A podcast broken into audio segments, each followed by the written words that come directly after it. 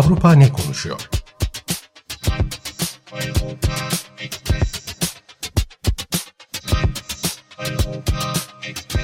Avrupa medyasından yorumlar.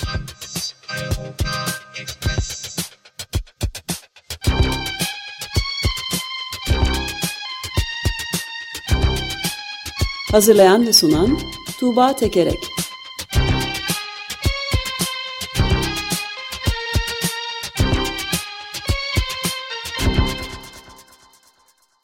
Merhabalar, günaydın. Günaydın, Günaydın. Özdeş. Günaydın Yağmur. Günaydın. Evet, bu haftaki konularımız neler? Ee, bu haftaki konularımız e, aslında hani Avrupa ne konuşuyor dediğimiz zaman hiç şüphesiz e, Avrupa'nın gözü e, bu pazar yapılacak Almanya'daki seçimlerde, federal meclis seçimlerinde e, 16 yıl sonra Almanya ve Avrupa merkezsiz e, bir döneme hazırlanıyor E, ve bu işte bu dönemin nasıl olacağı da bu seçimle birlikte şekillenecek. Esasen ona bakıyorlar. Ama e, Almanya'da Berlinliler bu pazar sandığa gittiklerinde farklı bir konuda da oy kullanacaklar. E, bu farklı konu e, konutların Berlin'deki konutların kamulaştırılması meselesi. Ben e, Türkiye'deki bu barınamıyoruz hareketini, e, kiraları, öğrencilerin yaşadıkları gündemde olduğu için e, biraz bu referandumdan ve referandumun öncesinden e, bahsetmek istiyorum.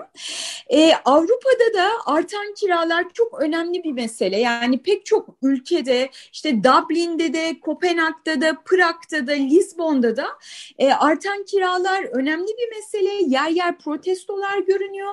Yer yerde e, yönetimlerin bu konu için hani ciddi somut olarak ne yapabiliriz diye çözümler geliştirmeye çalışıyorlar. Bunun en yoğun, e, en belirgin olduğu ülke Almanya ve Berlin. Berlin'de 2019 yılında özellikle halk sokaklara dökülmüştü. Binlerce kişi barınma hakkı için e, işte e, makul kiralı evler talep etmişti.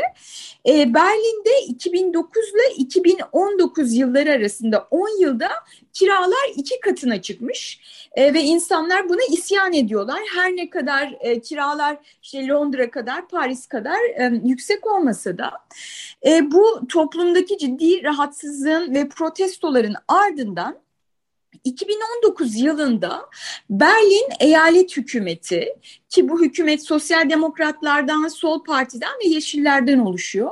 5 yıl boyunca kiraları dondurdu. Ev sahiplerine dedi ki bugün itibariyle ne kiraya veriyorsanız gelecek yılda o kiradan vereceksiniz. Kiracı değişse bile önceki kiranın üstüne çıkamayacaksınız. Eğer ki işte ben evi şöyle tadilat yaptırdım, ev böyle iyi hale getir geldi diyorsanız bunu belgelemek zorundasınız dedi ve 5 yıllık e, böyle bir e, dondurmaya gitti. E, böyle bir karar aldı. E, bu kimilerine göre e, kiraların sa- sabitlenmesi halka ciddi soluk aldıracak bir hamleydi. Kimileri ise mesela Avusturya'dan Depress'te şöyle bir yorum yapmış. Marksizmin tozu sandığından çıkarılan başarısızlığı tasdiklenmiş fikirler e, diye eleştirmiş e, bu politikayı. Ama uygulandı bir süre. E, ancak bu yıl Nisan ayında iki yıl sonra e, Anayasa Mahkemesi bu kararı iptal etti. İptal etme gerekçesi bunun eyalet bazında alınabilecek yani eyalet hükümetinin alabileceği bir karar değil de federal hükümetin ancak böyle bir karar alabileceği yönündeydi. O yüzden e, bu konuda geri adım atılmış oldu. E, bu karar geri çekildi. Ama e, kiralar yüksek seviyelerde e, durmaya devam ediyor. Bunun üzerine yine protestolar ve daha önceden gündemde olan e, başka bir e, çözüm stratejisi e, konuşulmaya başlandı. E, şimdi Almanya'da e, dev emlak şirketleri var ve bu emlak şirketlerinin elinde binlerce konut var ve bu konutları işte kiraya veriyorlar. E, genel olarak piyasadaki kiraların belirlenmesinde de bunlar e, önemli rol oynuyorlar. E, şimdi e, yapılacak bu e, işte bu e, kiraları m, makul bir seviyede durmasını isteyenler, barınma hakkını savunanlar bu şirketlerin ellerindeki konutların kamulaştırılmasını istiyorlar. Elinde 3000'den fazla e, konut varsa bir şirketin o konular kamulaştırılmalı. İşte kamu otoritelerine devredilmeli ve o evleri kamu otoritesi makul fiyatlarda e, kiraya vermeli diyorlar. Bu şekilde 240 bin konut varmış.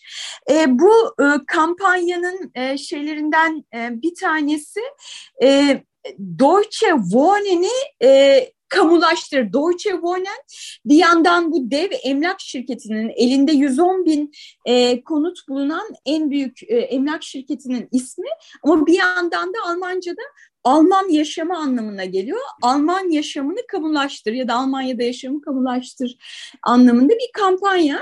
E, işte bunların bunlar referanduma e, ön ayak oldular ve bir anda referandum için gerekenin iki katı kadar imza toplandı ve işte bu pazar günü bunun için referanduma e, gidiliyor ve anketlere göre de e, kamulaştırmayı destekleyenlerin oranı e, birkaç puan e, diğer kesime göre diğerinden daha yüksek. Dolayısıyla bu pazarda böyle bir e, sonuç çıkması bekleniyor. E, ama bu sonuç çıktığında da her şey çözülmüş olmayacak tabii ki. İşte bunun daha sonra işte hukuki süreç olarak işte tekrar e, Anayasa Mahkemesi'ne götürülebilir deniyor ya da işte bunların kabulaştırılması çok büyük bir ekonomik tutar ve bunun yapılması mümkün değil e, diyenler var. Ama neticede bunun e, kamu otoriteleri üzerinde ve emlak şirketleri üzerinde ciddi bir baskı oluşturması ve bunun için hani bir takım e, sonuçlar, çözümler için e, işte kamunun, e, kamu otoritelerinin zorlanması anlamına geleceği söyleniyor. E, Türkiye'de biz kiraları e, bu şekilde tartışırken e, Almanya'da da bunlar oluyor diye son e, 3-4 yıldır bunları aktarmak istedim.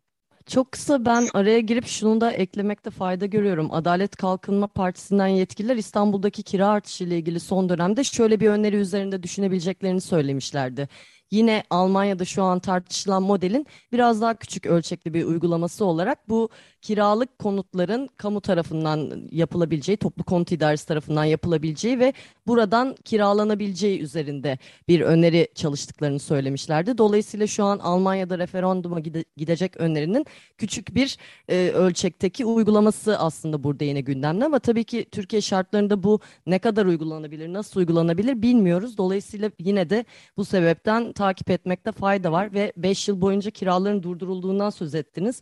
Yine İstanbul'la karşılaştırılacak olursak en çok kullanılan emlak sitesinde yapılan araştırmada Mekanda Adalet Derneği'nin İstanbul'da kiraların %70-80 bir yıl içinde arttığı ortaya konmuş kimi bölgelerde. Dolayısıyla bu kadar da çarpıcı fark, fark olduğunu söylemek önemli. Teşekkürler bu konuyu ilk açılışta gündeme getirdiğiniz için. E, şunu da e, ekleyeyim. E, Almanya'da ve diğer ülkelerde de e, bu şey tartışmaya baktığınızda barınma hakkını savunanların argümanlarına, çözüm önerilerine baktığınızda şöyle bir şey dikkatimi çekiyor. Diyorlar ki yani yeni inşaatlar yapılması e, bunun bir çözümü değildir. E, işte hani inşaat, inşaat, inşaat hem bunun şehirlerin dokusunu bozduğu hem de yani bu inşaatlar yapıldığında özel sektöre devrediliyor ve özel sektör işte bunları kiralıyor ve hiçbir şekilde bizim derdimize derman olmuyor diyor. Yani evet kamunun e, bu evleri kiralaması önemli bir e, şey olarak çözüm alternatifi olarak öne çıkıyor. Ama öte yandan hani inşaat konusunda e, bir durup düşünmek lazım lazım. Yani işte bu evleri kaç yıl boyunca işte kamu e, kiralayacak Türkiye'de. Sonra işte bunları nasıl özel sektörlere devredecekler mi, devretmeyecekler mi? Bunları da düşünmek lazım. Ama neticede evet yani kiranın sadece özel sektör tarafından piyasada belirlenen bir şey olmaması, işte barınma hakkı bunların gündeme gelmesi her türlü önemli söylediğiniz gibi. Aslında bir de Avrupa'da böyle boş konutların işgali diye bir durum var ve bayağı ciddi işgal hareketleri var. Bu da özellikle ekonomik kriz 2008'den sonra İspanya'dan e, hatırlıyorum. Boş evleri evsiz kalanlar ya da e, çok e, dar gelirli kesim işgal ediyorlar ve orada yaşamaya başlıyorlar. Daha sonra polisle vesaireyle böyle gerilim yaşanıyordu. Ama yani bu konut krizinin ne kadar uzun süredir aslında Avrupa'da gündem olduğunu gösteriyor. Biz biraz son yıllarda herhalde e, yaşamaya başladık ya da gündeme geldi. Evet bu kriz e, taşınamaz olduğunda bu noktada ben bir örnek daha aktarmak istiyorum. Bunu e, açık gazetede anlatmıştım e, bir yıl önce ama hatırlamakta fayda var.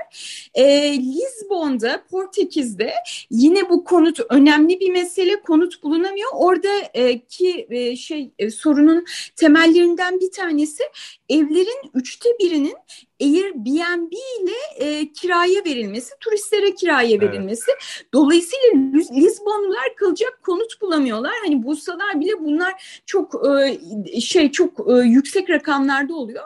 Lizbon Belediye Başkanı Fernando Medina Temmuz 2020'de pandemiyi de fırsat bilerek çünkü pandemi nedeniyle e, turizm durmuştu ve turist gelmiyordu. E, dedi ki konut sahiplerine, ev sahiplerine e, ben sizinle anlaşma yapıyorum. E, daireleri 5 yıllık sözleşmelerle Lizbonlulara vereceksiniz.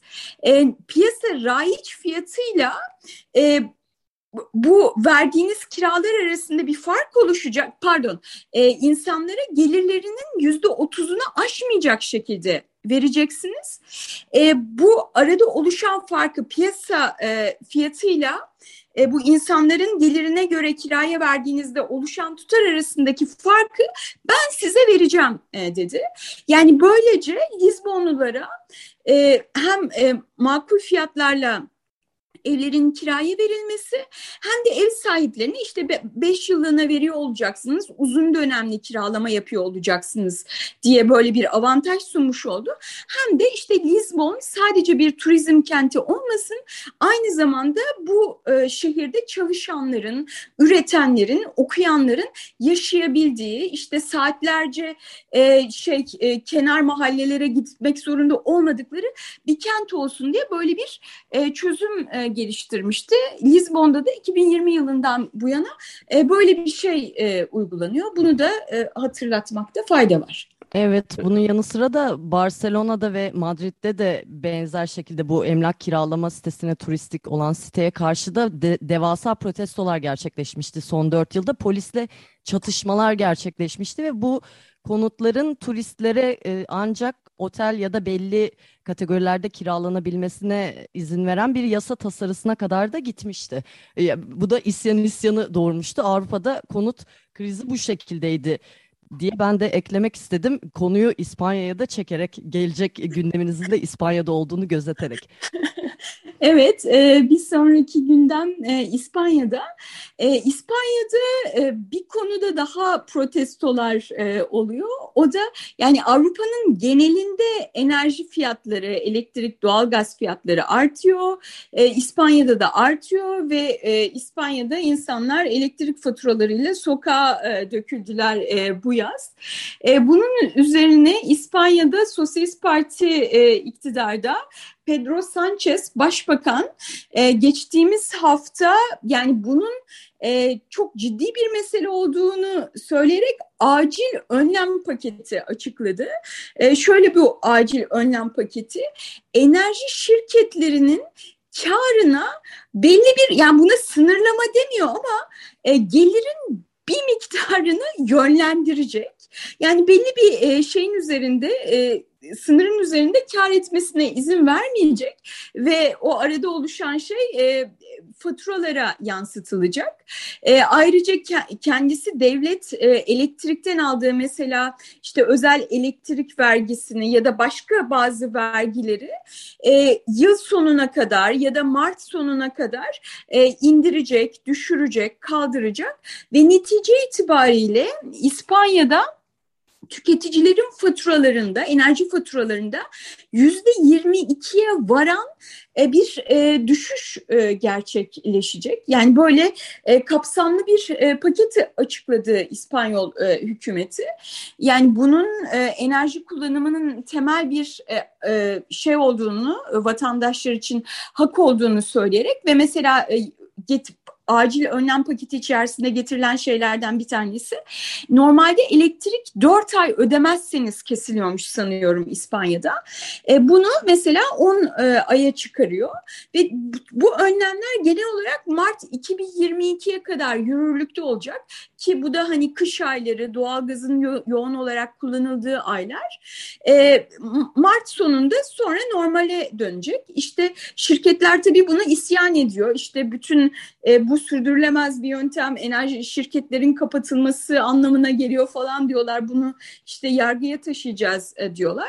E, İspanya hükümeti ama geri adım atmıyor ve işte sonraki süreçte bu kayıpların telafi edilebileceği şeklinde e, şirketlere bu tip e, onları e, şeyini e, öfkesini yatıştıracak şeyler söylüyor. İspanya'da da yani enerji fiyatları ciddi bir problem ve İspanya hükümeti bunun için son derece somut bir e, adım atmış durumda. Üstelik şöyle de bir şey yapmış dediğim gibi Avrupa'da genel olarak yükseliyor. E, genel konjonktürden dolayı Avrupa Birliği'ne de hani bunun için bizim acil önlemler almamız yerine e, daha yapısal olarak bu enerji fiyatları ile ilgili tüketici kullanımı ile ilgili bir şeyler yapılması gerektiği bir mektup iletmiş durumda. Bu bahsettiğiniz durumda ilgili aslında Avrupa'da uzun zamandan beri sadece enerji hizmetleri değil, su hizmetleri e, işte az önce bahsettiğimiz aslında konut da dahil olmak üzere özelleştirmeler, neoliberal e, uygulamalarla birlikte özelleştirmeler yani şirketlere devredilmişti e, uzun zamandan beri aslında Batı'da yeni bir hareket yükseliyor. 2011'deki o, bu işgal hareketlerinin bir sonucu olarak yeniden belediyeleştirme aslında hareketi. Böyle sol belediyeler geldiklerinde daha önce şirketlere devredilen e, hizmetleri yeniden e, kontratlar bittiğinde ya kontrat bittiğinde uzatmıyorlar, şirketlere vermiyorlar, vermeyip belediyeleştiriyorlar ya da iptal edip işte cezası neyse verip tekrar üzerlerine alıyorlar. Böyle bir akım vardı ve bunun en kuvvetli olduğu yer o dönem Podemos'un da böyle yükseldiği bir dönemde İspanya'ydı. Bu tartışmaları takip ettiğimiz o dönem hatırlıyorum. Evet, e, Podemos'un e, hani kirayla ilgili bakarken görmüştüm. E, şeyleri arasında hani vaatleri arasında e, şöyle bir şey var. E, e, kişinin gelirinin yüzde otuzunu aşmayacak şekilde belirlenmeli e, kiralar diyor. Barınma hakkına ilişkin olarak genel olarak Avrupa'da işte bu yüzde otuzun sınır olması gerektiği e, konusunda bir e, sol çevrelerde diyeyim böyle bir e, şey var, böyle bir rakam var. E, El País e, İspanya'dan bir e, gazete şöyle demiş, e, elektrik fiyatlarının artık kontrolden çıkmış şekilde artışı karşısında hükümetin aldığı önlemler son derece mantıklı.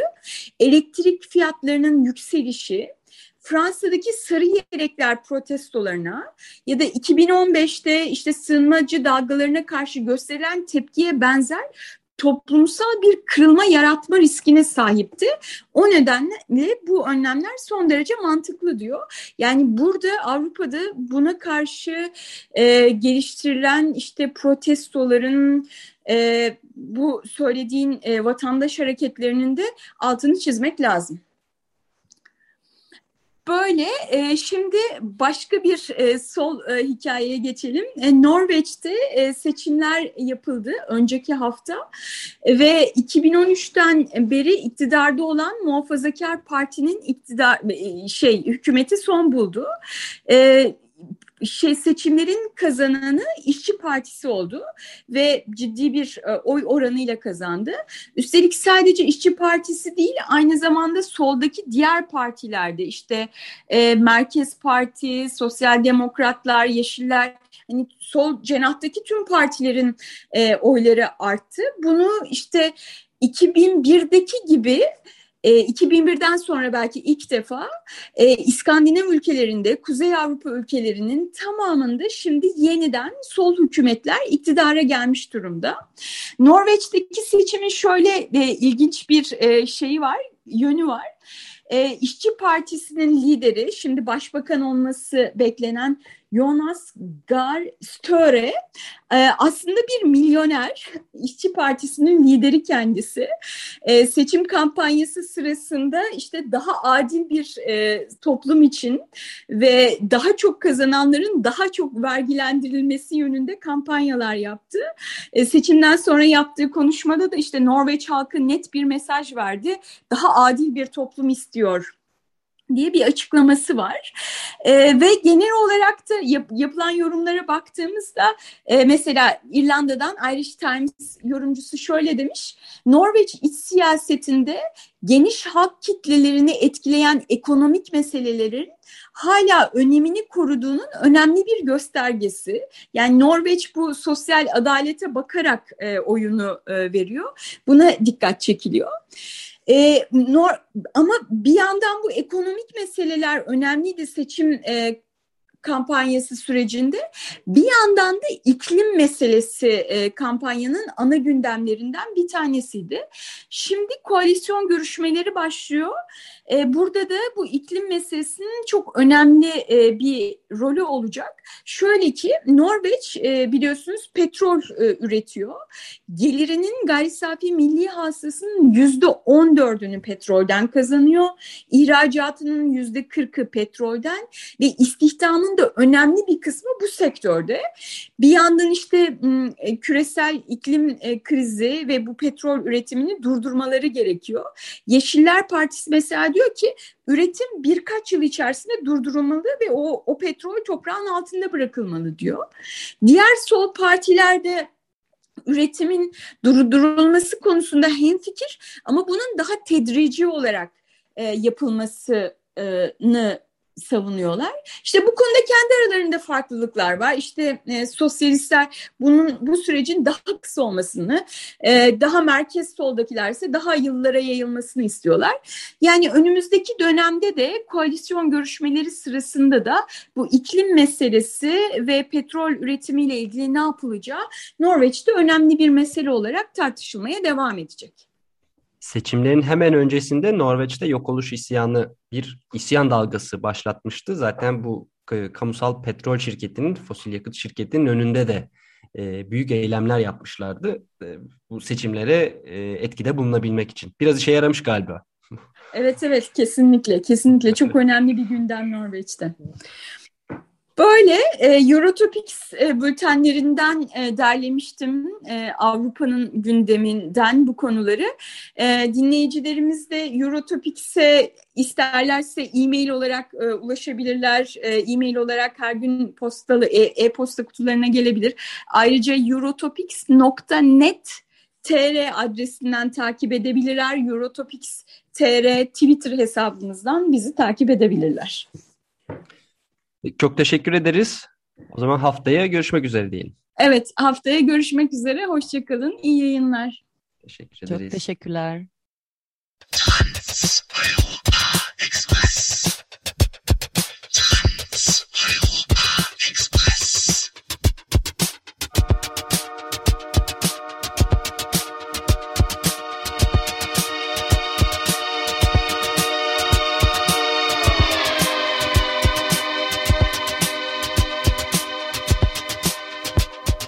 Avrupa ne konuşuyor?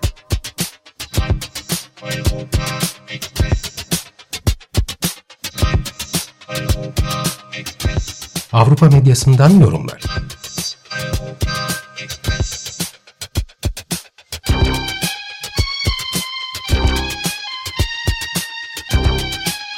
Hazırlayan ve sunan Tuğba Tekerek